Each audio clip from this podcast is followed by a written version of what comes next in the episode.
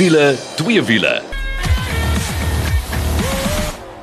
Nou as jy daai klanke hoor, weet jy dit is tyd vir wiele twee wiele en ek is Janet, saam met my is Kaal en dan Nicole sluit ook later by ons aan weer vir 'n lekkere wenk. Ja, is 'n lekker propvol program. Ons het uh, heelwat padtoetse en bekendstellings waaroor ons gaan gesels en uh, soos Janet gesê, daai tegniese wenk en dan praat ons oor 'n jong man wat besig is om groot opspraak te maak in motocross in ons land. Verseker en hierdie naam sal jy onthou en jy gaan hom nog baie hoor.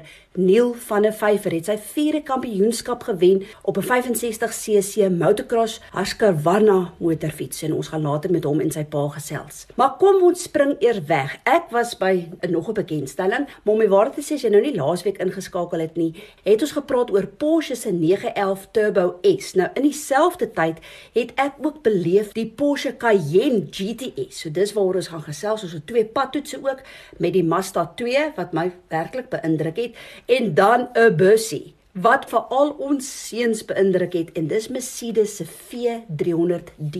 Maar ons spring weg Porsche. Ja, die Porsche Cayenne, jy weet, jy sien al hoe meer van hulle op die paai. Ek dink is 'n baie gewilde segment vir Porsche, Janet, om vir jou eerlike waarheid te sê. En hierdie Cayenne is natuurlik daai SUV waarvan jy praat en 'n hele paar veranderinge wat hulle nou aangebring het en ek's baie bly om te sê is 'n V8 engine is terug. Verseker. Nou as jy wonder GTS staan natuurlik vir Gran Turismo Sport. Nou daai naam is nou al sinoniem met Porsche van 1963 met die 904 Carrera GTS. Maar ja, as ek net bietjie kyk na die geskiedenis van die Cayenne GTS In 2007 was dit 'n 4.8 V8 en toe jy gekyk na so 298 kW. Toe 2012, toe sy nog steeds 'n 4.8 V8, maar jy toe 309 kW gekry. 2014, toe kom hy uit as 'n 3,6 liter V6 turbo en dit was met 324 kW. Maar daai V8 klanke is nou terug. Nou kyk jy na 'n 4 liter, maar dis 'n dubbel turbo en uh ja, V8, jy kyk na 338 kW, 620 Nm wrinkrag. En Kaal, ek wil dit so lekker in perspektief sit. 'n uh, Paar weke terug het ons mos nou gepraat oor 'n uh, Porsche se 718 Cayman GT4. Nou sy 0 tot 100 km/h is 4,4 sekondes. Hierdie Cayenne is 'n 0 tot 100 is 4,5 en dis vir 'n sportnuts. Ja, dis so groot kar wat vir my altyd so fenomenaal is, is as jy 'n groot SUV ry en hy kan so vinnig versnel. Jy weet mense is baie keer gaan hulle net aan oor kilowatt, kilowatt, kilowatt, maar kilowatt is niks sonder wrinkrag of torque soos hulle dit noem nie. En daai oor die 600 Nm wrinkrag is bitter baie. So as jy met jou GT4 langs hierdie uh, gesinnetjie intrek in hulle SUV en jy ken nie jou storie met die wegtrek jy gaan jy ook 'n probleem hê. Jy kan dit weer sê. Hoor die praat van die wegtrek. Hierdie einste sportnuts, 'n uh, Porsche se GTS het 'n launch control en as jy nou wil sien hoe hierdie monster wegtrek en hy het natuurlik so 'n spesiale knoppie dat daai V8 klanke nog vir jou ekstra kan brul ook. Gaan loer bietjie op ons Facebook bladsy. Ons het met so pragtige rooi gery. En net interessant, ons praat nou van die wegspring. Sy 0 tot 100 km/h het ons nou gesê is 4,5 sekondes, maar die topspoed van hierdie sportnuts is 270 km/h. Ja, ek moet sê dit is definitief uh, iets wat jy seker nou nie elke dag gaan gebruik nie, maar ek het nou in laasweek gepraat met iemand by die werk en ons het gesels oor dit gaan eintlik net om te weet jy het dit. Maar Janet, uh, hulle het 'n paar goed verander. Ek wil die chassis en die goeds verander. Hy loop 'n bietjie laer, hy's 'n bietjie breër en uh um klou natuurlik soos nog iets. Potensiële kliënt moet ook nie vergeet nie, dis half the best of both worlds. Jy kry 'n voertuig met hoë werkverrigting. Bro, luister net na daai goeders wat jy nou deurgegee het maar jy het ook baie goeie hantering al is dit so groot kar. As jy nou net ingeskakel het, ons praat oor Porsche se Cayenne GTS en kaal dis presies dit.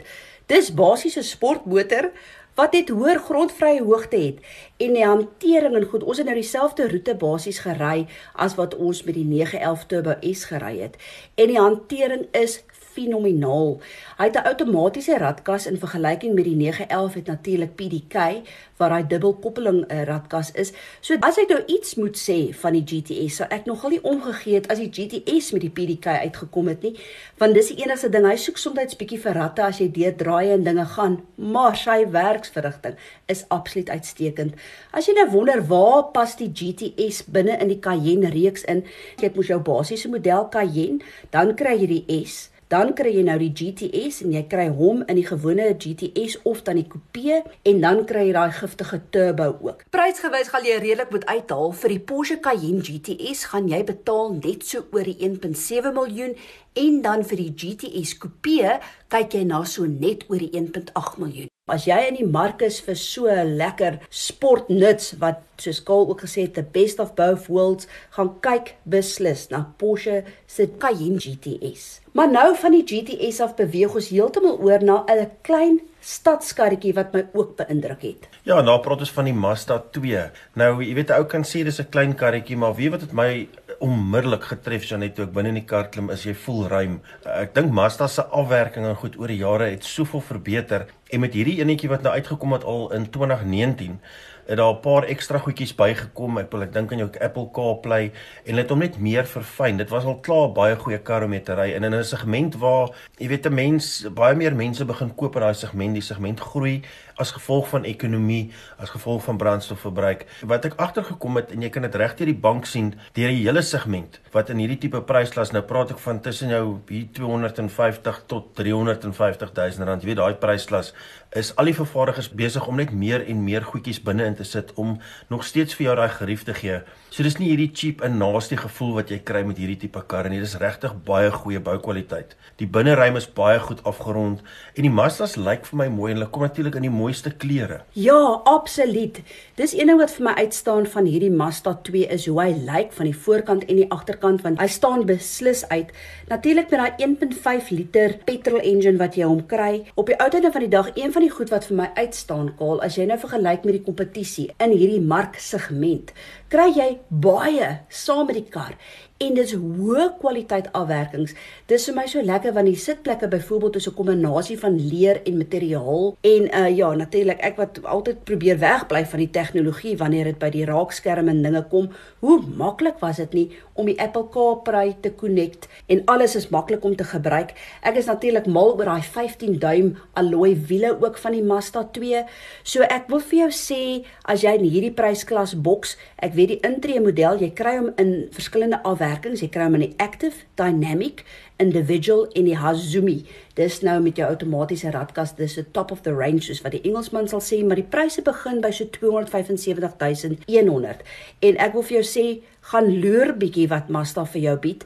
Selfs aan die dienskant kyk jy na 'n 3 jaar onbeperkte kilometer diensplan wat klaar ook vir jou gemoedsrus kan gee. Daar's net net gepraat van daai 1.5 enjin is 'n lekker lewendige enjintjie ek het hom baie geniet en selfs jy outomaties wat ons gehad het jy weet jy het nog gesê ons het die Azumi gehad was uh gelaai met alles wat jy wil hê. En hy enjintjie het homself baie baie goed gedra. Ek moet sê die radkas jy weet hoe voel ek oor sekere radkas het vir my goeie radwisseling gegee.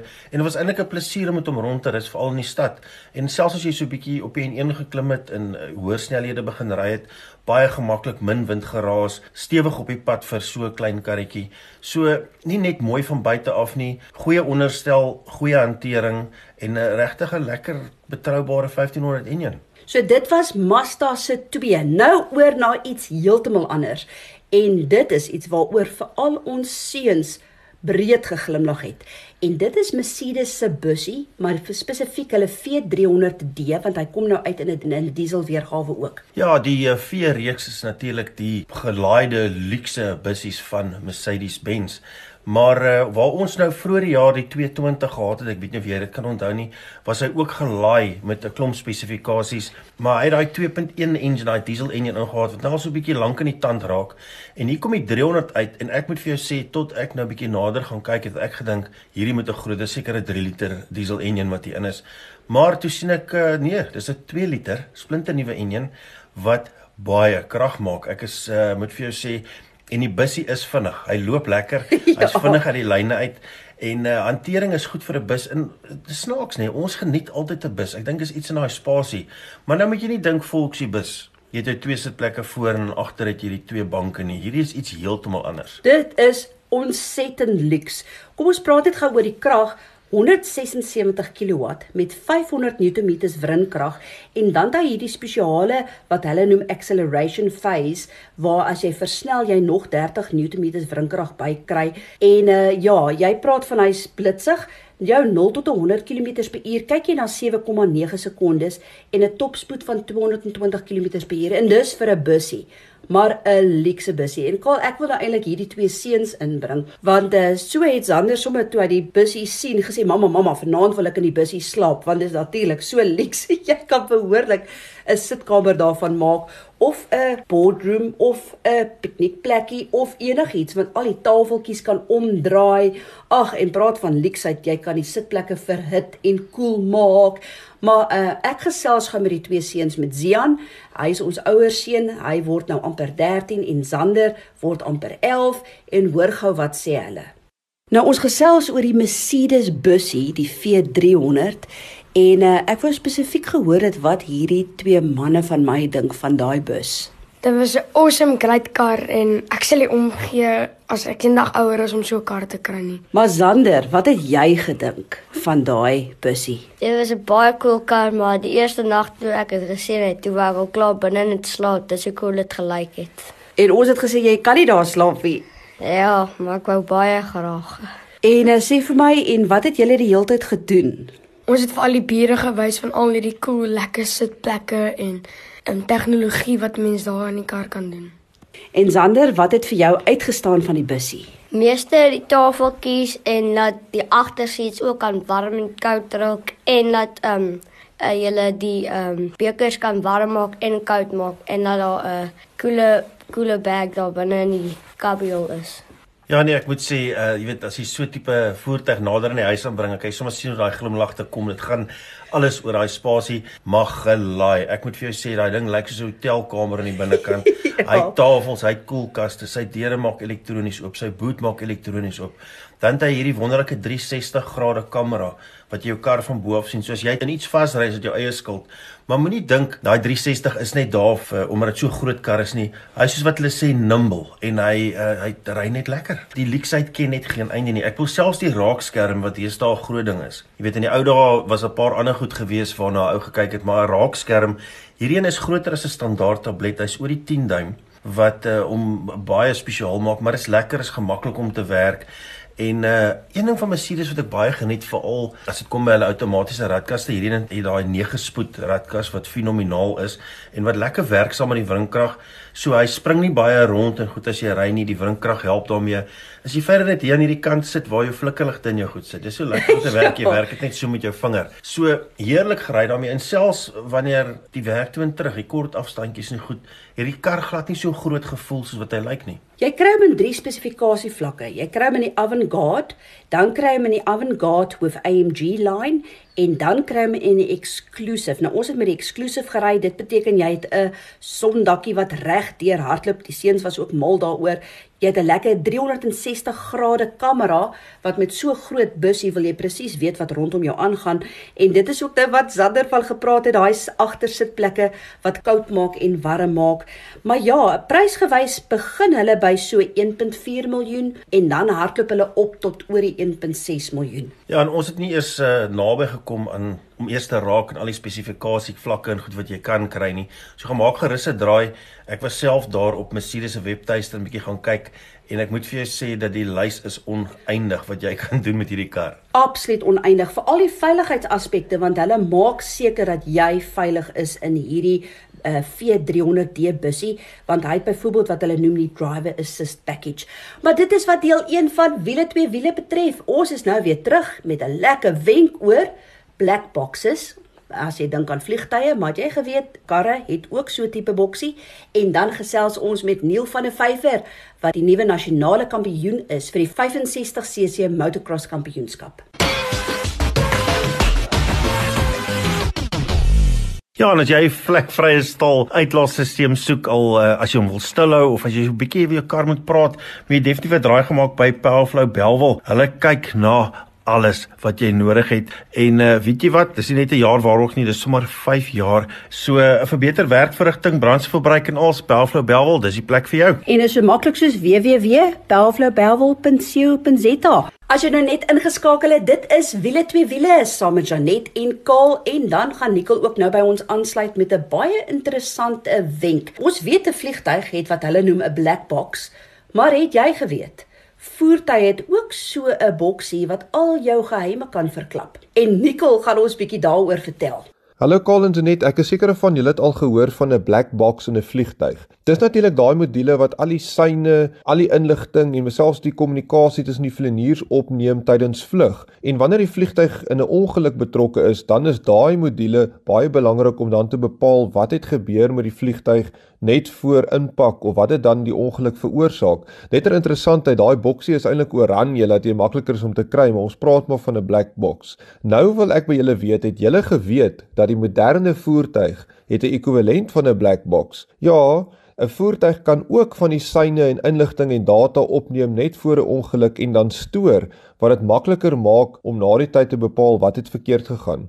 So net 'n bietjie agtergrond. Natuurlik 'n moderne voertuig het baie elektroniese modules wat almal in 'n netwerk aan mekaar gekoppel is. Daai netwerk noem ons die CAN bus en 'n uh, een van die modules is dan die lugsak module. Nou hy moet bepaal watse lugsakke moet afgesit word tydens 'n ongeluk om dan die mense binne te beskerm. En uh, daai module kan dan ook baie van die data van die voertuig dan nou stoor om dan te analiseer na 'n ongeluk om te sien wat het verkeerd gegaan. En net om julle idee te gee wat als gestoor word, goed soos die voertuigsnelheid, die versneller se posisie, die stuurhoek wat jy met die stuurwiel maak, die um engine spoed, selfs byvoorbeeld of cruise control aan of af was, was die rem getrap of nie en natuurlik al die versnellings van die voertuig. So dit is baie indrukwekkend al die data wat gestoor word. En ek wil sê vir my, hoe analiseer hulle dan die data na 'n ongeluk? Ja, Karl, ek was gelukkig om by Toyota se Center of Technical Excellence te gaan kuier en te sien hoe dit gedoen word. Natuurlik, daar's baie redes hoekom jy gaan wil kyk wat het verkeerd gegaan. Dit kan miskien 'n versekeringseis wees of dit kan iemand wees wat wil sê daar het iets meganies met die voertuig verkeerd gegaan. Kyk asseblief wat het gebeur. En dan wat gebeur is die span wat dan nou kyk na die ongeluk data, gaan na die voertuig toe. Hulle prop in die eh, diagnostiese poort in hulle toerusting en dan trek hulle al hierdie data af. En daai 'n toerusting kan dan vir hulle terugspeel om te wys presies wat het gebeur met die remme, wat het gebeur met die versneller, met die stuurwiel, al daai tipe van goed net voor die ongeluk en selfs na die ongeluk, wat se lugsakke het afgegaan, hoekom het hulle afgegaan? En uh, dis natuurlik 'n manier om te bepaal wat het verkeerd gegaan. Die span sal natuurlik ook dan die ongelukstoneel besoek want dit is baie belangrik om te sien presies wat het gebeur. Was dit in die dag en nag? Hoe lyk die padoppervlakte? Was dit op 'n draai? Is dit 'n blinde hoogte? Al daai toestande word in ag geneem. En dan word die oorsaak van die ongeluk dan nou bepaal en ook bepaal het daar miskien iets verkeerd gegaan met die voertuig. So ja, dit is definitief baie interessant. Nikkel wat ek graag wil weet, was daar al 'n geval waar hierdie tipe inligting wat van hierdie geheime boksie afkom, al gehelp het om 'n saak op te los? Ja, Janet, daar was 'n geval gewees van 'n kliënt wat ingekom het en gesê het daar was 'n fout met 'n uh, hulle voertuig terwyl hulle gery het, het dit gevoel asof die aandryfas net afgaan en uh, dat hulle beheer oor die kar verloor en dan die ongeluk gemaak. Toyota het toe hulle span uitgestuur dat al die data afgetrek. Wat interessant was, is die voertuig wat toe 'n verskriklike hoë snelheid gehandhaaf net voor die ongeluk. Hulle kon ook gesien het oor die stuurhoek dat die stuur links en regs en links en regs soos die persoon half beheer verloor het oor die voertuig, maar hulle kon ook sien dat die enjin snelheid konstant gebly het. So as jou dryfas natuurlik nou heeltemal afval of breek, dan gaan jou engine spoed verskriklik optel as jy jou voet nog plat op die versneller hou soos wat die data gewys het. So daar was definitief nie fout met die voertuig nie, maar uh dit ook gewys natuurlik dat daar's 'n bietjie roekeloos gebestuur en so aan. So dis natuurlik baie belangrik om te weet dat daai data kan heelwat verklap van wat gebeur het voor 'n ongeluk. Maar nou Nicole, daar moet duidelik wetlike aspekte ook wees in en wat beteken? Kan enige iemand nou na jou data gaan kyk en aan wie behoort hierdie inligting? Nee, gelukkig behoort die data van 'n voertuig aan die eienaar van die voertuig. So niemand mag na hierdie data kyk sonder jou toestemming nie. Maar wat jy nou moet weet, as jy 'n kar gaan huur, dan behoort daai kar nie aan jou nie. Daai kar behoort dan aan die verhuuringsmaatskappy. So in daai opsig as jy met 'n huurkar in 'n ongeluk is, kan hulle altyd die data van die kar aftrek om te bepaal wat het verkeerd gegaan en of jy miskien iets gedoen het wat jy nie moes doen nie. So wees maar versigtig. Maar ja, hierdie tegnologie is definitief hier om te bly Ek is seker van dit gaan ook gekoppel word met 'n GPS data binnekort dat jy presies kan sien waar jy gery het en presies wat jy gedoen het en um, ek dink dit gaan ook verseker dat voertuie in die toekoms veiliger gaan kan raak. Ons weet natuurlik met vliegtye is dit al 'n baie veilige vorm van vervoer en miskien kan hierdie data dan nou help dat ons padvervoer ook veiliger raak. Ja, dit is altyd baie interessant as eh, Nicole ons begin vertel van al hierdie goed wat ons absoluut niks van weet nie, meeste van die kere nie. Maar ja, soos beloof, nou gaan Janet 'n bietjie gesels met Neil van der Vyver, ons splinternuwe 2020-65 CC motocross kampioen. En uh, Janet het so 'n bietjie by hom en by sy pa Werner gaan kuier. En kom ons luister bietjie wat sê hierdie gedigte spannetjie. Hy's 12 jaar oud, Neil van der Vyver en hy het sy 4de nasionale kampioenskap met motocross gewen.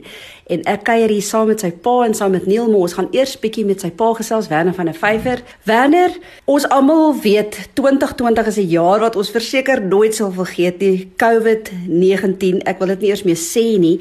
Maar vertel net vir ons kortliks julle hele jaar en julle kampioenskap, hoe dit nou verloop met die dinge wat so verander het. Hallo Janet, lekker om weer met jou te gesels. Ja, Jessie, wat 'n jaar was dit nou nie. Alles is deurmekaar gewees met COVID. Um, ons het groot planne gehad hierdie jaar en ek dink niemand kon beplan nie. Niemand het geweet waarheen hierdie ding gaan nie. Ons het die eerste eh, national gehad in PE hierdie jaar. Groot planne gehad om in Griekeland aan die wêreldkampioenskappe te gaan deelneem. Ons het baie beplanning gedoen op die motorfiets. Ons het by Februarie het ons 'n regte vinnige bike gebou wat ons reg gekry het vir Griekeland reg vir toetse in Maart en toe gebeur COVID. So ja, die wêreldkampioenskappe is toe afgestel, eventually uitgestel en toe afgestel. En ons het eers geweet of ons gaan reis hierdie jaar nie. So uh, Neil was op 'n call op 'n 85 gewees want ons het geweet of ons in 'n 65 gaan reis nie en toe het MSA besluit ons gaan uh, reis en toe weer teruggespring op 'n 65 vir twee double headers. So dit was verskriklik dol geweest hierdie jaar. Maniel, jy sit nou hier by my en uh dit was nie 'n maklike jaar nie, maar hoe het jy dit ervaar? Ja, ons het 'n uh, baie uh nie baie slegte nie, maar in PE die tweede reis toe was ek voor en die helfte van die laaste lap met my sparkpop cap um afgeval. En toe kom ek 12de So dit was 'n uh, groot teleurstelling um, vir die eerste reis. En toe na die lockdown en al toe was die twee double headers een in Pietermaritzburg en een in Bloemfontein. En ek was bly ek het al vier motors by uh, elke reis gewen. Ehm um, net vinnig Werner die double headers as jy net kan vir ons verduidelik wat dit is. Ja, so MSA moes opgekom het met 'n plan om nou weer die racing te begin en die beste plan wat hulle kon dink was om te kyk ons daar sewe nationals in 'n jaar en ehm um, obviously was daar nie tyd ons kon eers in September weer reis. So daar was nie tyd om nog in te pas nie. So hulle het besluit om om 'n verkorte reeks te hou en die maklikste was om net om 'n double header te hou in een op op op een venue. So met ander woorde, ons het in Pietermaritzburg die eerste reis gehad, 'n Saterdag, volledige reis en dan almal huis toe gegaan die aand weer bikes geprep en goed en die Sondag weer 'n reis gehou en dit was 'n double header en en ehm um, dieselfde in Bloemfontein. So in plaas van 7 nationals het die die jaar dan nou bestaan uit 5 nationals uit 10 heats waarvan jy dan nou een heat kon drop. Wat nou ook in ons guns getel het nogal as jy nou na die tyd kyk want daai heat in PE was dan die heat wat ons kon gedrop het, ja jou pa te vertel van die twee double headers. Nou, kyk ek weet ons hoef nie regtig te vra wat 'n laagtepunt was nie vir die motocross en vir die wedrenne was dit verseker PE, maar jou hoogtepunt van die jaar, wat sal dit wees? Ah, uh, my hoogtepunt was seker om al ag reise te wen na COVID en toe ek nog die nasionale kampioenskap gewen het, dit was nog 'n hoogtepunt van die jaar, so. Dit was 'n goeie jaar gewees. Hierdie was nou jou vierde kampioenskap wat jy gewen het en ek dink nie mense besef hoe fenomenaal dit is nie. Jy is net 12 jaar oud.